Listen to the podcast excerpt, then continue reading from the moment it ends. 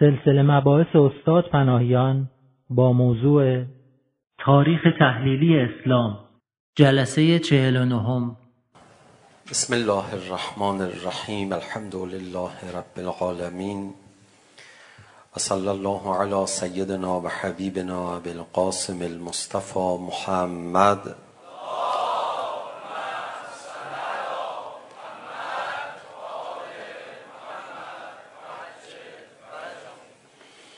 وآله الطيبين الطاهرين المعصومين سيما الحجة بقية الله الأعظم روحي وأرواح العالمين له الفداء واللعن الدائم على أعدائهم أجمعين إلى قيام يوم الدين رب اشرح لي صدري ويسر لي أمري واحلل عقدة من لساني يفقه قولي یکی از نکات مهم تاریخ اسلام که معمولا ازش صحبت نمیشه و تبدیل شده به معماهایی که حل شده و آسان جلوه میکنه. اختلافات درون مدینت النبی هست در دوران حضور پیغمبر اکرم قبل از حضور شریفشون. و پس از حضور پربرکت پیغمبر اکرم که این اختلافات ضربه های اساسی میتونست بزنه. ما معمولا از قربت اولیاء خدا حرف میزنیم. از مظلومیت ها راحت تر حرف میزنیم. اما از فجایعی که میتونست رخ بده اولیاء خدا جلوگیری کردن از اون فجایع معمولا کمتر حرف زده میشه. در انقلاب خودمون هم همین طوره. ما در تاریخ انقلاب از اول تا کنون با بحران‌های بسیار شدید برطرف شده مواجه شدیم که اون بحران‌ها رو البته کسی ازش زیاد صحبت نمی‌کنه. دفاع مقدس برجسته شده الان.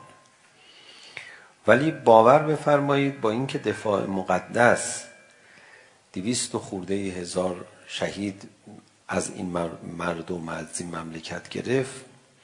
بحرانی که ایجاد کرد بحران امنیتی که ایجاد کرد خیلی کمتر بود. از درگیری هایی که در چند استان کشور دشمنان توانسته بودن ایجاد بکنن.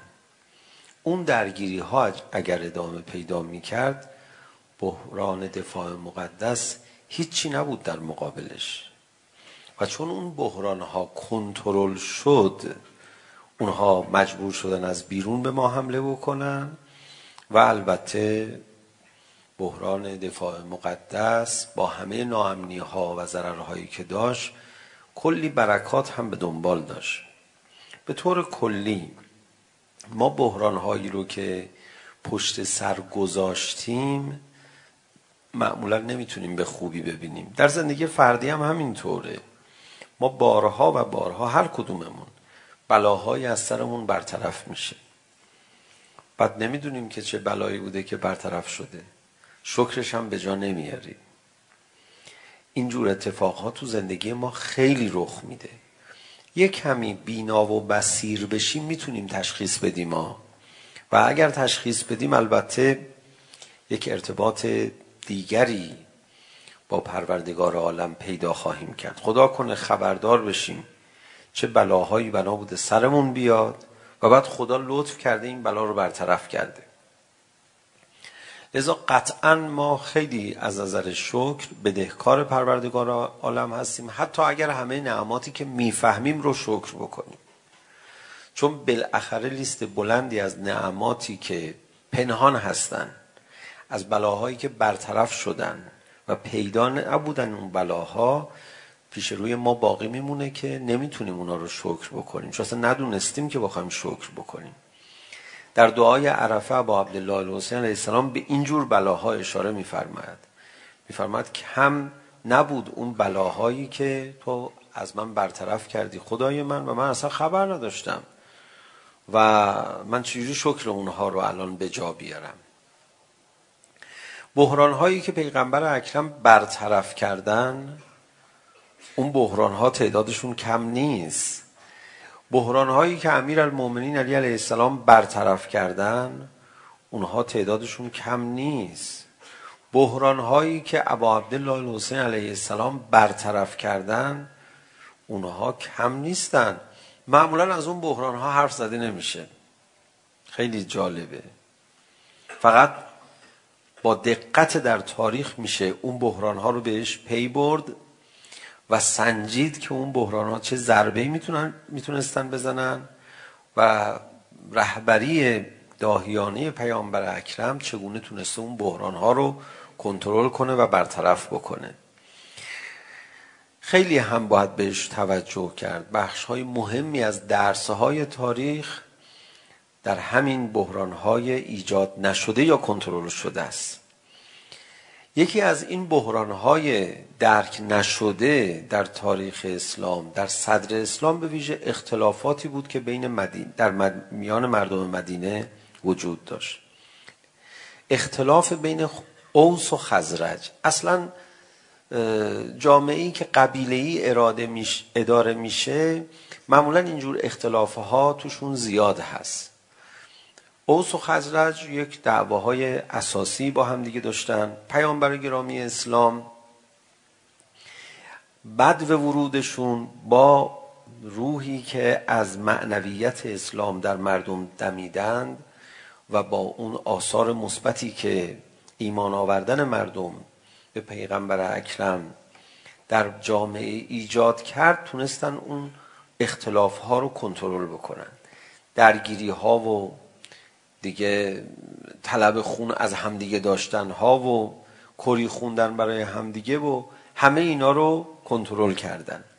ولی در بعد از حضور پیغمبر اکرم یه داستانی رو در تاریخ آوردن که من به عنوان نمونه برای شما میخونم.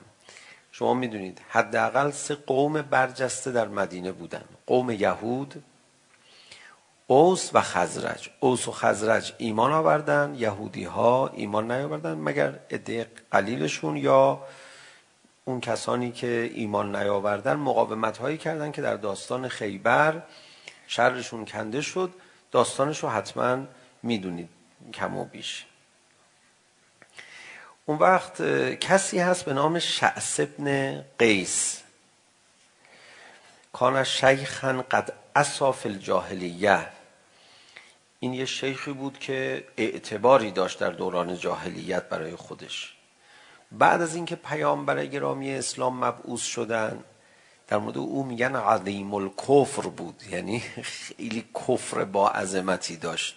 حالا از این کاری هم که کرد کاملا معلوم میشه. شدید الذقن علی المسلمین شدید الحسد لهم. خیلی کینه داشت نسبت به مسلمون ها و شدیدن حسادت میکرد. ایشون به اصطلاح داشت عبور میکرد بر گروهی از اصحاب پیغمبر اکرم که از اوس و خزرج بودن در یه جلسه ای اینا دور هم دیگه جمع شده بودن یعنی پیامبر گرامی اسلام اونها رو جمع کرده بود که باهاشون صحبت بکنه. اینشون رد شد و اینا رو دید. بعد وقتی که الفت اینا رو کنار هم دیگه دید. که اینا اصلا انگار هیچ مشکلی با هم دیگه ندارن دور پیغمبر جمع شدن. اون کینش شعله ور شد. بعد عبارتی که داره اینه. گفتش که اگر اتحاد اوس و خزرج همینجوری باقی بمونه دیگه ما بین اینا جا نداریم. ما باید بریم از مدینه. اینا باید با هم این اتحادشون به هم بخوره. یه دستیاری داشت. حالا دستیار نه به عنوان یک آدمی که همیشه دستیارش باشه اون موقع پیشش بود. خیلی راحت جوانم بود اون. این آقا پیر بود. گفت خب یادآوری کن اختلافاتشون رو. این هم اومد و شروع کرد اختلافات رو یادآوری کردن. شبیه اون اتفاقی که به صورت مزاح بین طرفداران قرمز و آبی میفته که یه تیکایی رو خیلی دیگه از حفظن به هم دیگه پرت کنن و دیگه چه گزاره هایی رو استفاده بکنن برای حالگیری هم دیگه و مثلا اون چند تا گل زده رو به رخ این بکشه و این نمیدونم چی رو به رخ اون بکشه این بازی رو بین اینا شروع کرد. اینا در واقع شروع کردن از قدیمی قدیمترها حرف زدن. آقا دعوا بالا کشید. کار کشید به جایی که اینا گفتن که ما هنوز اون افتخارا رو میتونیم پیاده کنیم. اونا ما هنوز انتقاما رو میتونیم بگیم. ما راست میگه برو شمشیر تو بردار بیار. راست میگه تو برو شمشیر تو. مثلا بیار. اگه مردی و دیگه کار کشید به این که داد و فریاد از سلاح از سلاح اسلحه منو بیار و اون هم گفت اسلحه منو بیار و هیچ. یعنی فکر میکنم این شعص ابن قیس دقیقا نقش بی بی سی رو اونجا اجرا کرد. نقش انگلیسی های خبیس رو اونجا اجرا کرد. بعد دیدن که میشه این کار رو کرد. پیامبر گرامی اسلام اومدن بینشون. بله من از سخن پیامبر گرامی اسلام برای شما شروع کنم. برگشتن فرمودن یا معشر المسلمین الله الله آخه این چه رفتاری شما دارید آیا شما میخواید برگردید به دوران جاهلیت بعد از هداکم الله الی الاسلام بعد از که خدا هدایتتون کرده به اسلام و اکرمکم به و قطع عنکم امر الجاهلیه حالا همین جور عباراتی که خداوند متعال شما رو کمک کرده شما برد دارید میکردید به اون اختلاف ها بعد به اصطلاح اسلحه رو انداختن یعنی اسلحه آوردن بجنگن ظاهرا با هم فالقوا السلاح و بکو گریه کردن و آنق بعضهم بعضا با هم معانقه کردن واقعا ما داشتن میزدن هم دیگر رو ثم انصرف مع رسول الله سامعین مطیعین اومدن خدمت پیغمبر آقا ما حرف شما رو گوش میکنیم ما آقا ما اطاعت میکنیم بعد آیاتی از قرآن نازل شد خب قد اطفع الله عنهم کی کی و عدو کید عدو الله شعث ابن قیس خدا خاموش کرد اون کید دشمن خدا رو شعس ابن قیس رو بعد آیات قرآن رو هم بخونید من در مورد این اختلاف جامعه دینی در تاریخ و بعد داستانی که در ادامش پیدا شد به شما عرض بکنم. حالا آیاتی که در این باره نازل شده این است. یا اهل قل یا اهل الكتاب لما تکفرون به آیات الله والله شهید علی ما تعملون. اول به اون شعث ابن قیس. خداوند متعال فرمود بگو یا اهل الكتاب چرا شما کافر هستید با آیات خدا؟ خب اینا هم این آیاتی هم که برای آخرین پیامبر نازل شد اینا هم آیات خداست. شما اهل کتابید بعد کافر میشید با آیات خدا؟ بعد دوباره میفر... بعد میفرماد که خدا میدونه دارید چی کار میکنید. یعنی شما این اختلاف رو ایجاد کردید. دوباره قل یا اهل الکتاب لمت تصدون عن سبیل الله؟ چرا شما میخواید کار خدا نگیره و دوست دارید کار خدا رو در واقع منحرف بکنید؟ خدا قافل نیست از اون کارهایی که دارید انجام میدید. آیات بعدی به نسبت به اوس و خزرج نازل شد. یا ایها الذین آمنو ان تطیعوا فریقا من الذین اوتوا الکتاب یردوکم بعد ایمانکم کافرین. اگر از اهل کتاب تبعیت بکنید اونها شما رو کافر خواهند کرد کیف تکفرون و انتم تطلا علیکم آیات الله و فیکم رسوله و من یعتصم بالله فقد هدی الی صراط مستقیم این آیات آیات صد به بعد سوره آل عمران هست خب این یک نمونه کوچیک بود ولی باید لحظه به لحظه در قطعات مختلف تاریخ این مواظبت پیامبر گرامی اسلام برای عدم اختلاف بین اوس و خزرج رو ما در نظر داشته باشیم. یه اختلاف دیگه هم در مدینه بود که پیامبر گرامی اسلام اون اختلاف رو هم مدیریت میکرد. اختلاف بین مهاجر و انصار که وقتی اون اختلاف رو یکی از منافقین میخواست شعله ور بکنه عبدالله ابن عبید داستانش رو ما اینجا روزی گفتیم که پیامبر گرامی اسلام در واقع یک روز کامل با مردم قهر کردن به خاطر سخنرانی های سخنرانی عبدالله ابن اوبه که برگردیم مدینه. رفته بودن برای نبرد بنی مستلق تو اون مسیر یه اتفاقی افتاد که حالا قصهشو قبلا به تفصیل گفتیم. رسول گرامی اسلام اینجوری قهر و غضب خودشون رو نشون دادن به جامعه. به صورت برجسته رسول گرامی اسلام در تاریخ به مدت یک روز قهر کرده باشن با مردم قهر خودشون رو نشون داده باشن با مردم سخن نگوین و سخت گیرانه با مردم رفتار بکنن کاروان رو زیر آفتاب سوزان حرکت بدن یک بار بوده به صورت برجسته و اونم سر همین اختلاف افکنی بین جامعه بوده خب مردم ده ساله برند با پیغمبر تقریبا حالا شاید 7 سال زندگی میکنن دارن میبینن رحمتا للعالمین چقدر مهربانانه برخورد میکنه. بعد این اختلاف رو چقدر سنگین برخورد کرده. این آدم باید در مقایسه قرار بده. ما همینجوری نشستیم پیش هم دیگه میگیم بله رسول گرامی اسلام اینقدر با قهر برخورد کردن با این موضوع. اونی که از نزدیک رسول خدا رو داره میبینه میفهمه. اصلا رفتار پیغمبر اکرم خیلی سخته. مسئله این اختلاف افکنی مسئله عجیبی است. در مدینه منوره این اختلافات رو پیامبر گرامی اسلام مدیریت میکردن.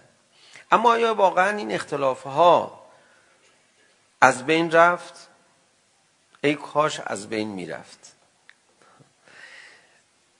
همین اختلاف اوس و خزرج که پیامبر گرامی اسلام رو رهبری میکرد از نظر اجتماعی و کنترل میکرد در سقیفه بنی ساعده خودشون نشون داد. نتیجه چی شد؟ چقدر نتایج تأسف باری به جا گذاشت در دراز مدت در تاریخ. فقط رفقا برید تاریخ رو بخونید. تو رو خدا برید بخونید. کتاب ها هست. برید بخونید. چرا یه دفعه حضرت امام رضوان الله تعالی علیه میفرماید ماجرای علی ابن ابی طالب مصیبتش بزرگتر از کربلاست. این صحبت امام من الان یادم اومد. حتی صحبت امام هم الان دیگه من نمیتونم سریع هم بگم. واقعا مصیبتش بالاتره.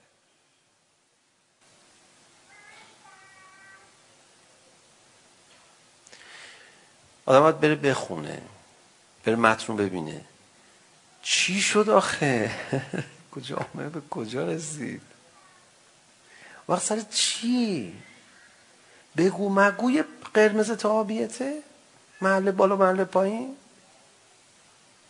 سر کینه های جاهلیتی که دو قوم نسبت به هم اوس و خزرج میگفتن آقا ما که حرفا نداریم با هم تموم شد انصار اختلاف با هم نمی کردن اختلاف با هم نمی‌کردن اونا هرگز راضی نمی‌شدن به ریاست مهاجرین. چون یه اختلاف اینوری هم داشتن آخه اینا.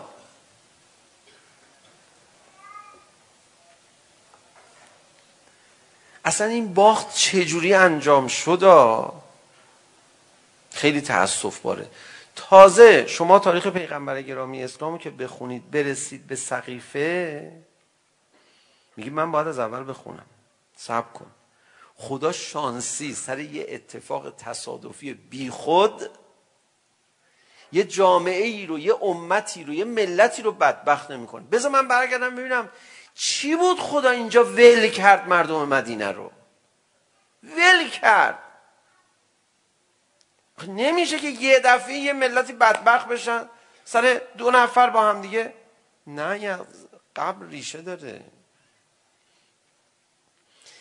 از زمان پیغمبر گرامی اسلام دیگه کم کم اینا شروع کردن خودشون رو گرفتن. ول نکردن. از یه زمانی به بعد کم کم برای خودشون یه حسابی باز کردن.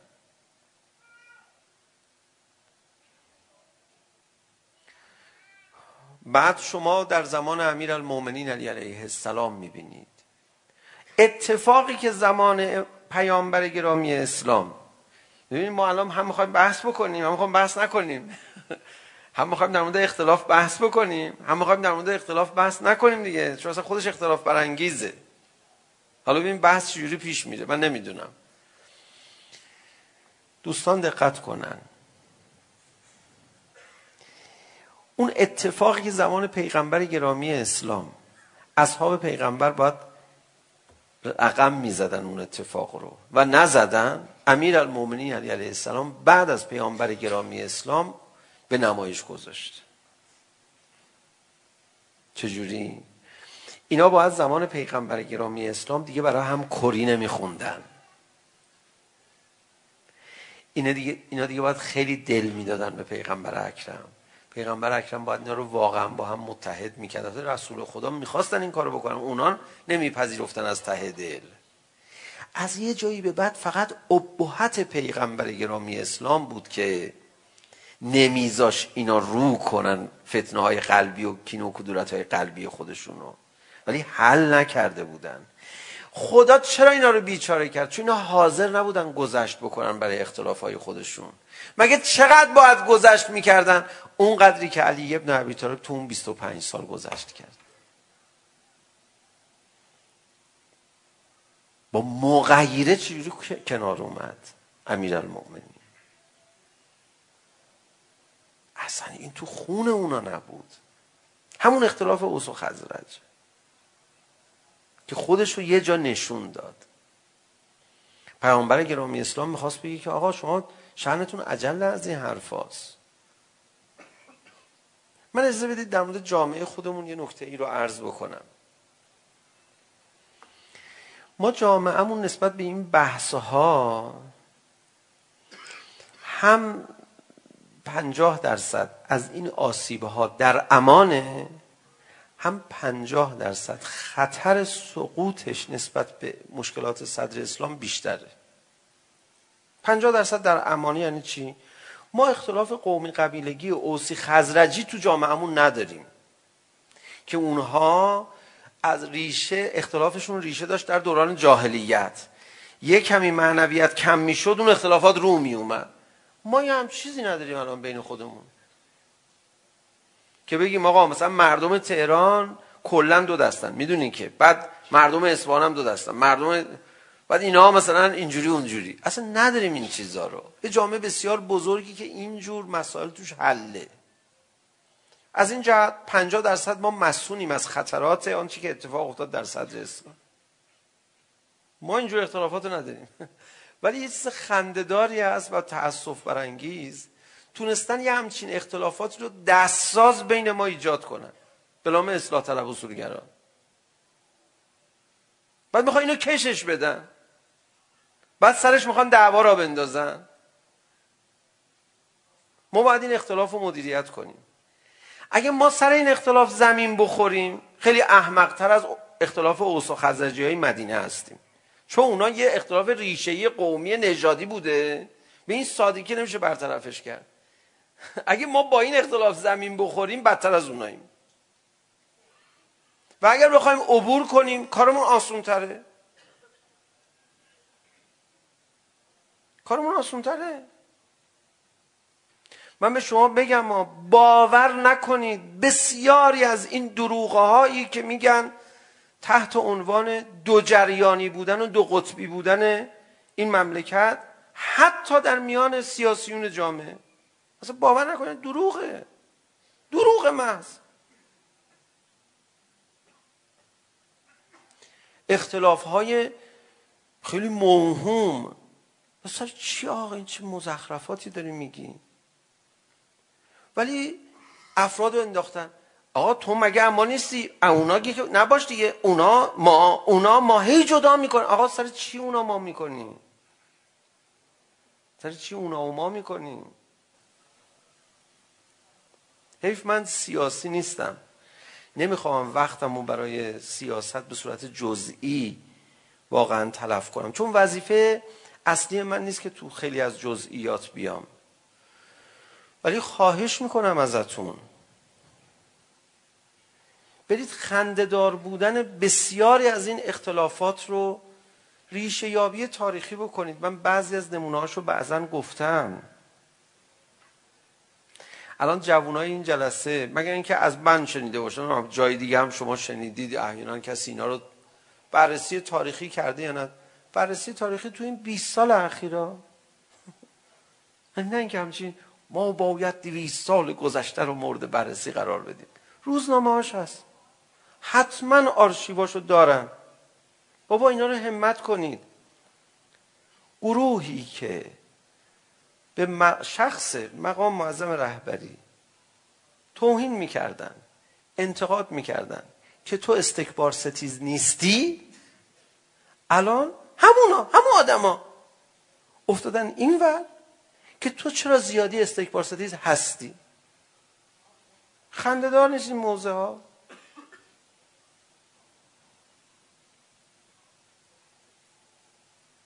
این مو... اینجور موزه گیری آخه. زیگزاگ رفتن سیاسیون. یعنی هر دقیقه اینا دارن اینور میرن اونور اونور میرن اینور اصلا یه جوری خیلی عجیب غریبی. ما تو این کشور آدمهایی داریم اشتباه میکنن خوبیایی هم دارن. این آدم یه زمانی این اشتباه داشته این خوبی رو داره این خوبی رو اشتباه رو الان گذاشته کنار. اون یکی اشتباه دیگر رو گرفته یا این یکی خوبی رو داره یا اون یکی آدمهایی داریم که اشتباه میکنن. نمیشه اصلا امکان نداره شما دو قطبی تو مملکت ما درست بکنی. بعد الان برای این انتخابات بعدی بعضی نونشون تو این اختلاف هست. اینو باید مواظبت کرد اینو باید مدیریت کرد. ای خدا. لاقل تو نگو ما اصولگرایان. این اسم یه گروهی سر تو گذاشتن که خودشون اصلا هم ارز و اندام شما نیستن. سانه خواستن دعوا را بندازن این اسم رو شما گذاشتن. شما یه گروه خاص نیستید اصلا. من شما یه گروه خاصی. خفقان روانی دارن ایجاد میکنن. نگو اینو به خودت. او آقا من اینجوری فکر میکنم اون آقا اونجوری فکر میکنه؟ اون آقا نصفش اینجوری فکر میکنه؟ نصفش اون یکی جور فکر میکنه؟ اون یکی اینجوری اون یکی اینجوری. خدا شاید نمیشه به جزئیات باز کرد بحث رو. ولی چیه؟ از قدیم میگفتن دعوای حیدری نعمتی را بیفته. این دو قطبی سازی ها خوب نیست. خیلی لطمه میزنه. ما باید بلند شیم حرکت کنیم. نذاریم دو قطبی سازی بشه. دوباره اخیرا شروع کردن کلید زدن دو قطبی ها اگر یه زمانی میشد این فرض رو کرد که بله بعضیا هستن که از نظر تفکر سیاسی کاملا غرب زده هستن بعضیا هستن کاملا اسلامی. اگر میشد این رو فرض کرد که بین این دوتا یه طیف بسیار گسترده ای قرار داشتن. الان دیگه اونم نمیشه گفت. آخ قرب زده کی قرب زده؟ جرأت داره خودش بگه. حتی شما میخوای کسی انتقاد بکنی نگو این اصلاح طلبه. بگو این آقا این ایراد و فکری رو داره. قبلا هم اینجوری موضع گرفته بود. شما چرا میخوای یه باندی رو به رسمیت بشناسی؟ که خیلی از اعضای اون باند والا تو دروازه اونجا هستن اصلا اونجوری نیستن ازش بپرس تو حاضری عقلانیت دین تو انکار بکنی میگه نه خب اگه نه پس چرا میگی من اصلاح طلبم تو حاضری ارزش های خودتو زیر پا بگذاری میگه نه خب پس تو اصلاح طلب نیستی تو تو حاضری وابسته به باند سیاسی باشی. میگه من شهنم عجل این حرفاست خب پس خودت باش. خودت باش. یه کسی رو میپسندی برای انتخابات بپسند. حالا یا اشتباه میکنی یا درست میکنی دیگه. به خدا اس عین اسیر گرفتن اندیشه هاست. عین اسیر گرفتن رفتار هاست.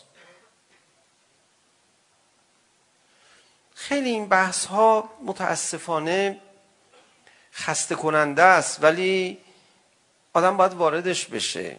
اجازه ندید اینجور حرف های عوامانه رو کسانی بیان تو جامعه ما رواج بدن.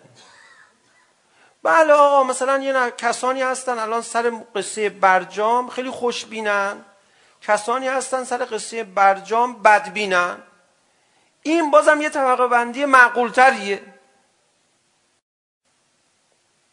این یه طبقه بندی معقول تریه نمیشه طبقه بندی های قبلی که اساسا موهوم بوده وسط کشید. تو عرصه اقتصادی یا تو عرصه فرهنگی هم دوباره طبقه بندی هایی وجود داره که اون وقت میبینی یه نفر به برجام خوشبینه ولی از نظر فرهنگی خیلی تنده. من نمیخوام اسم ببرم. خیلی تندتر از ماست. ما انقدر اصلا قبول نداریم حرفه اونو. آقا کی گفته اسلام انقدر تنده؟ ولی مثلا به برجام خیلی خوشبینه. اون تو از نظر فرنگی من از اون لارسترم و تو زمینه اقتصادی مثلا یه تفاوت دیگه ای. خیلی شفاف بریم جلو. بله اختلاف نظرهایی واقعا وجود داره.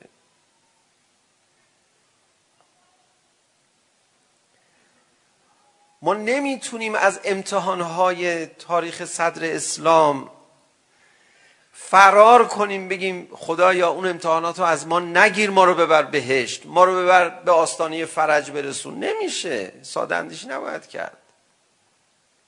برگردیم به تاریخ اسلام. من یه جنبندی بکنم از این بحث خودم. تو رو خدا ببینید اوضاع چجوری شده. یعنی هم به دلایل منطقه‌ای هم به دلایل جهانی هم به دلایل داخلی. آدم راحت نمیتونه صحبت کنه. خیلی جالب. شفافتر از این صحبت کنیم. حداقل مغایر حرفای خودمونه که خیلی اختلاف برانگیز میشه. باید به سمت وحدت حرکت کرد در عین حال تبیین هم کرد حق و از باطل. یک کمی شفافتر صحبت بکنیم.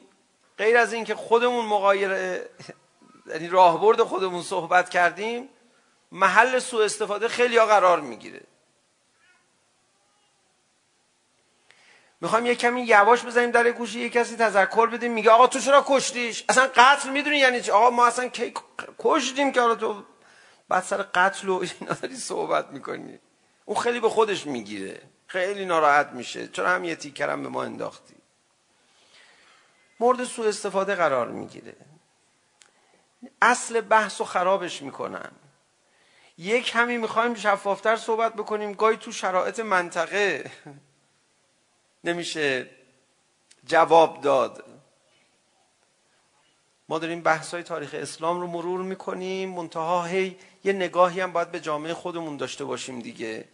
پیامبر گرامی اسلام یکی از مهمترین اقداماتشون در مدینه منوره هم قبل از حضورشون هم در حین حضورشون کنترل اختلاف مثلثی بود که اونجا وجود داشت. مهاجر و انصار اوس و خزرج.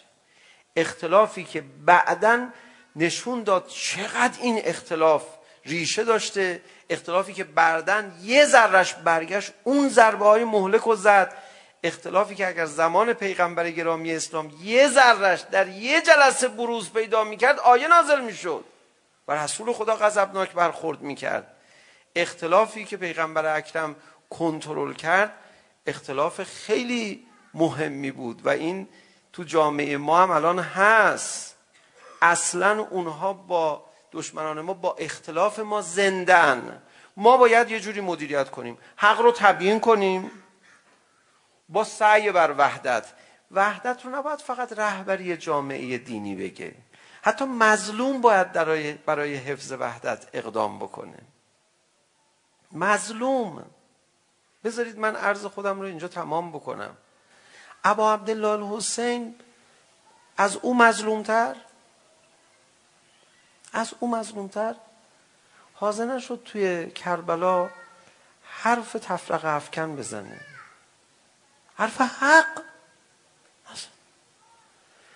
و تمام سخنرانی هایی که کرد وحدت آفرین بود زینب کبرا سلام الله علیها هم همینطور شما نگاه کنید کتابی هست سخنان ابا عبدالله الحسین علیه السلام رو نوشته. جمعوری کرده به نام سخنان ابا عبدالله الحسین. قدیمی قبلا بود یک کتاب کم حج بود. سخنان بسیار معتبرتر رو جمعوری کرده. عالم جلیل القدری به نام آقای نجمی. من خدمت خود ایشون هم رسیده بودم. من که محرما همیشه این کتاب یعنی پاره پاره شده بود تو خونه ما. دیگه همیشه میگفتم من دوباره هر محرم باید از اول تا آخر اینا رو بخونم. من الان یادم نمیاد. یعنی زمانهای قبل همین رو گفتم که ابا عبدالله الحسین یه بار فرموده باشن آقا من پسر علی ابن ابی طالب علیه السلامم چون سر علی ابن ابی طالب علیه السلام اختلاف بود. و من پسر فاطمه زهرا هستم. وحدت بخش سخن میگفت. امام زین العابدین علیه السلام من پسر رسول خدا هستم. زینب کبرا سلام الله علیها تو اوج مظلومیت. آدم اونجا که میرسه میگه دیگه همه چی بگم دیگه. چقدر جا داشت. حضرت یه گریز به کوچه بنی هاشم بزنن. چه ما ها الان تو روزه هامون معمولا میشنویم دیگه این گریز ها رو. زینب کبرا در نهایت مظلومیت دیگه چیکار میخواستن بکنن؟ ابا عبدالله الحسین علیه السلام دیگه می‌خواستن چیکار کنن چون به شهادت میرسوندن دیگه آقا یه سخنرانی بکن شیخ شقتون حضرت بذار یه چیزی گفته باشه آقا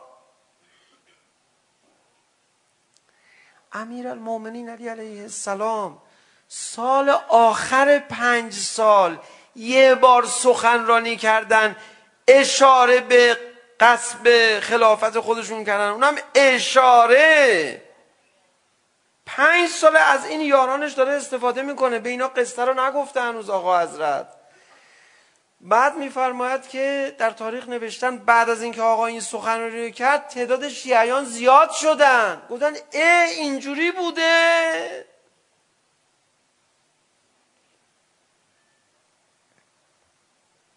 تازه قدرت گرفتن اینا.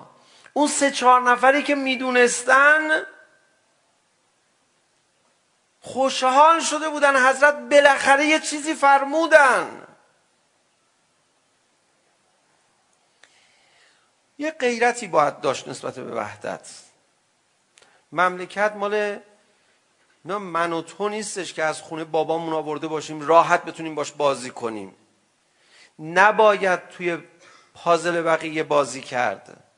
نباید نقشه ای که دیگران میریزن ریخت. یه کسی حرف غلط زد بلافاصله نباید اولا جوابشو بدی ثانیا جوابشو خواستی بدی حتما نباید مستقیم بدی ثالثا شاید باید به جای جواب غیر مستقیم اصلا یه چیز دیگری بگی یه حق دیگری رو مطرح بکنی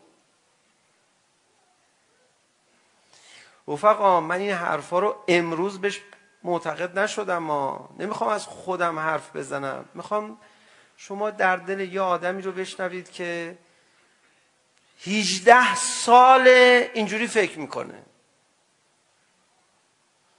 اون اول دوران اصلاحات یعنی میشه 18 سال پیش اومدن مفهوم جامعه مدنی رو مطرح کردن. بعد به من میگفتن آقا بیا برو جواب بده.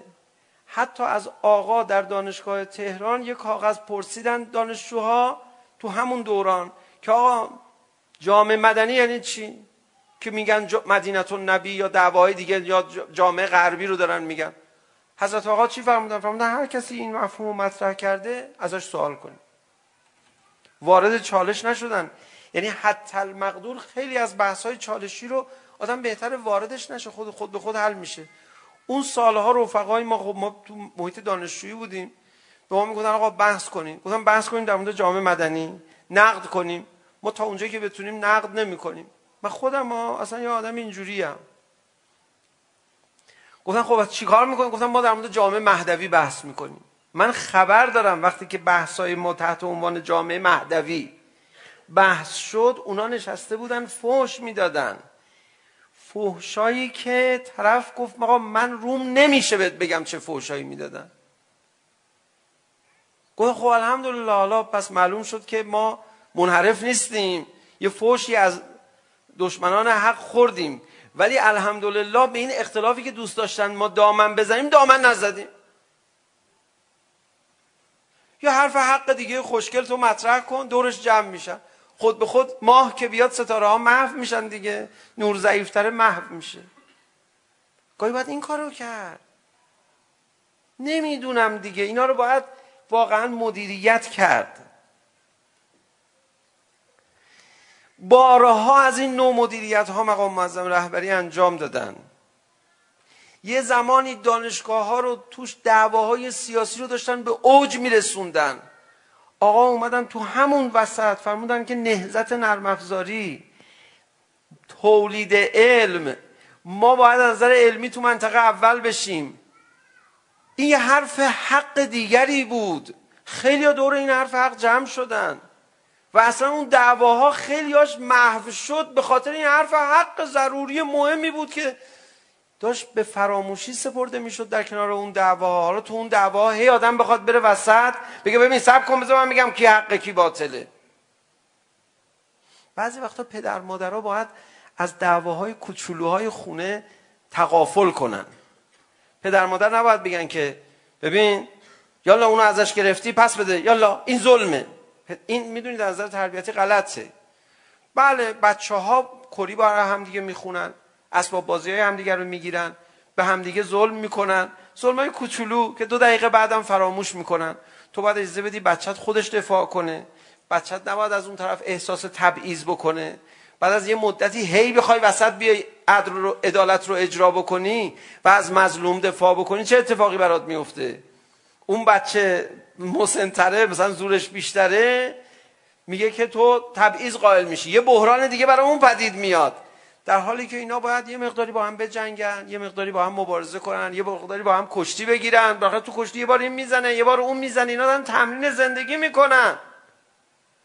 تا با هم درگیر شدن بلافاصله نباید آرامش برقرار کرد. بذار این داره رشد میکنه. حضرت امام دقیقا این کارو کرد. آقا بارها و بارها این کارو کردن و هنوز دارن این کارو میکنن. ما هم باید بفهمیم بازی صحنه چه خبره.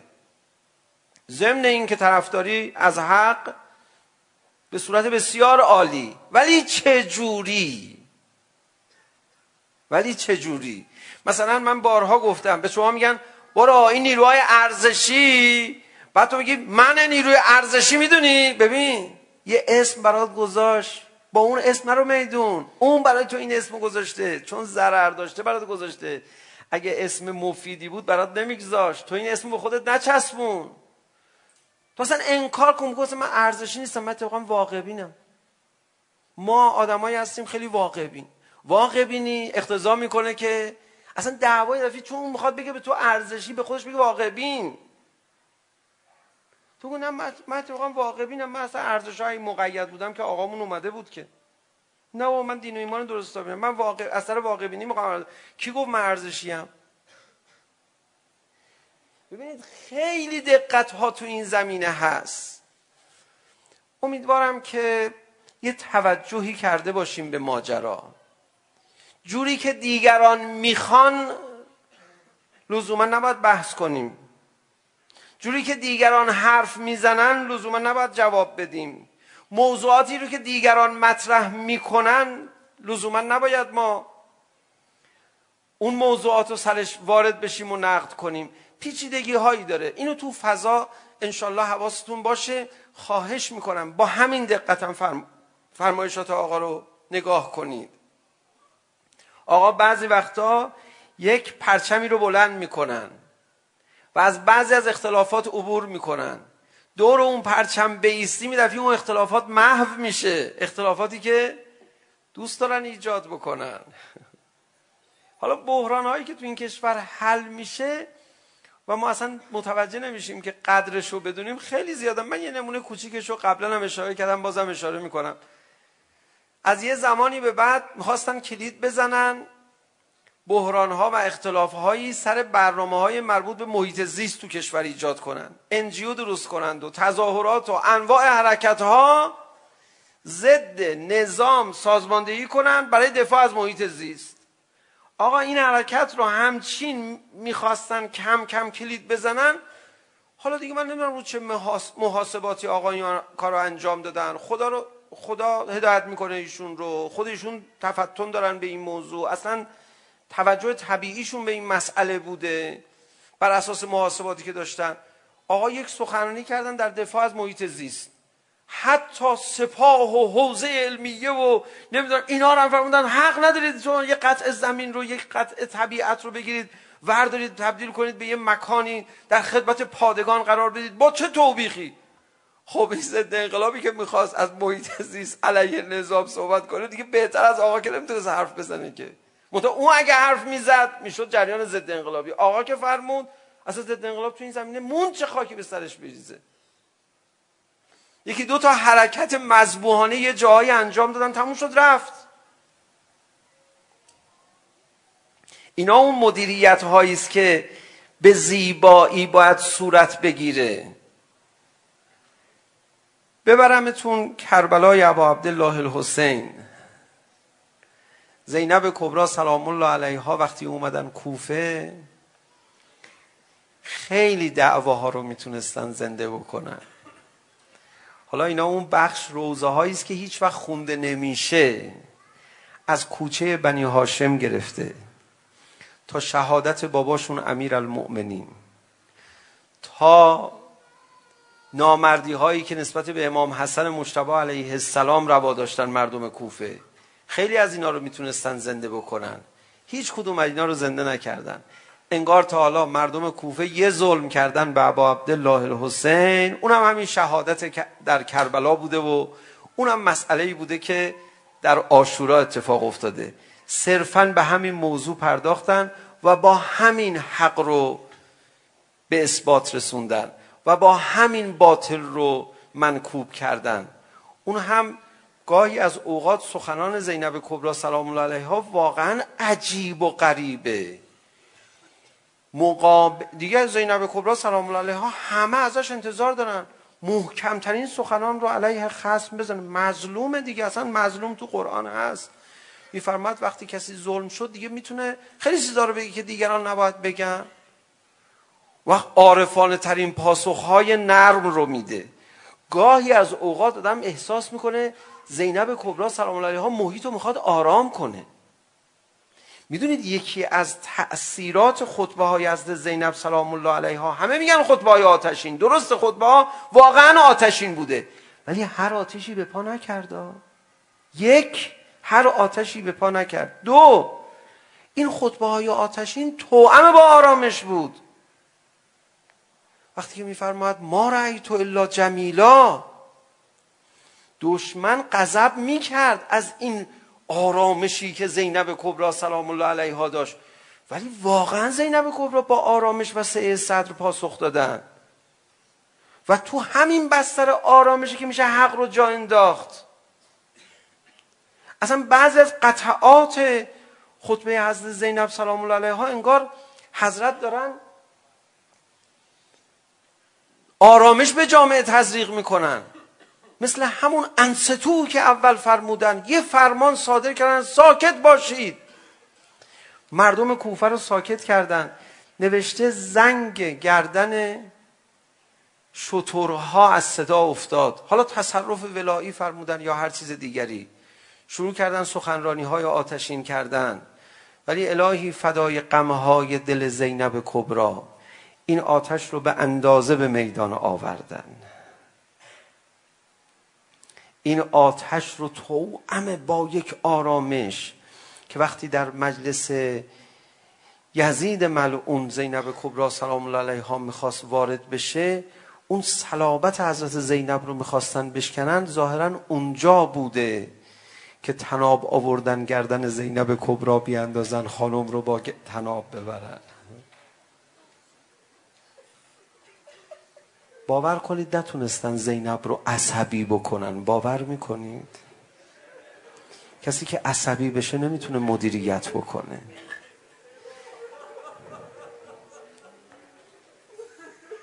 یک قهرمان آرام بود زینب کبرا.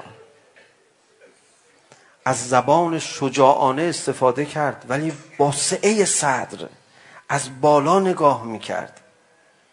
تبیین آتشین کرد. انحراف اون مردم رو.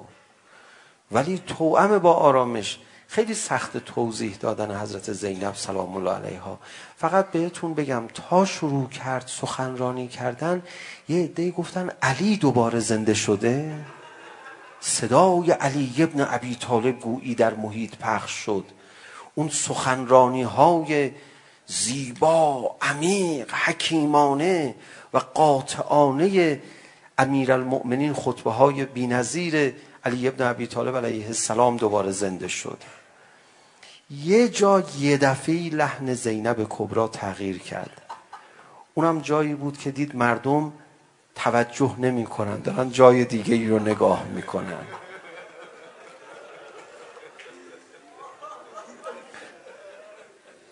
هنوز از محرم که در نیومدی که عزیز من.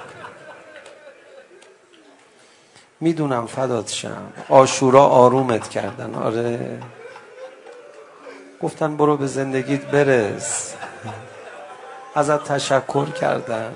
شلوغش کردی دهی محرم و هر جا بودی. برو دیگه بقیه کتکا رو زینب میخوره. برو. زینبم هست. انشالله اربعین توفیق پیدا کنیم بریم کربلا انشالله آرزو کنید به خدا قسم برو زینب هم هست هست هر کی از کربلا بیرون میاد مسرور بیرون میاد کاروانا رو نگاه کن همه نشاط دارن بگو بخند میکنن فقط یه نفر بگو بخند نمیکرد اونم زینب بود بار غم رو به دوش گرفت آمد زینب کبرا رو نمیشه توضیح داد داشت سخنرانی میکرد نمیدونم ابلیس مدیریت کرد نامردی اونجا این طرح و ریخ چی کار کردن یه دفعه صدای زینب عوض شد دید همه جایی رو نگاه میکنن برگشت نگاه کرده یه دفعه دید سر متحر عبا عبدالله حسین آخرین باری که با حسین سخن گفته بود کنار گودی قتلگاه بود بعد از با وداع با برادرش دیگه صورت زیبای برادرش رو ندیده بود ألا لعنة الله على القوم الظالمين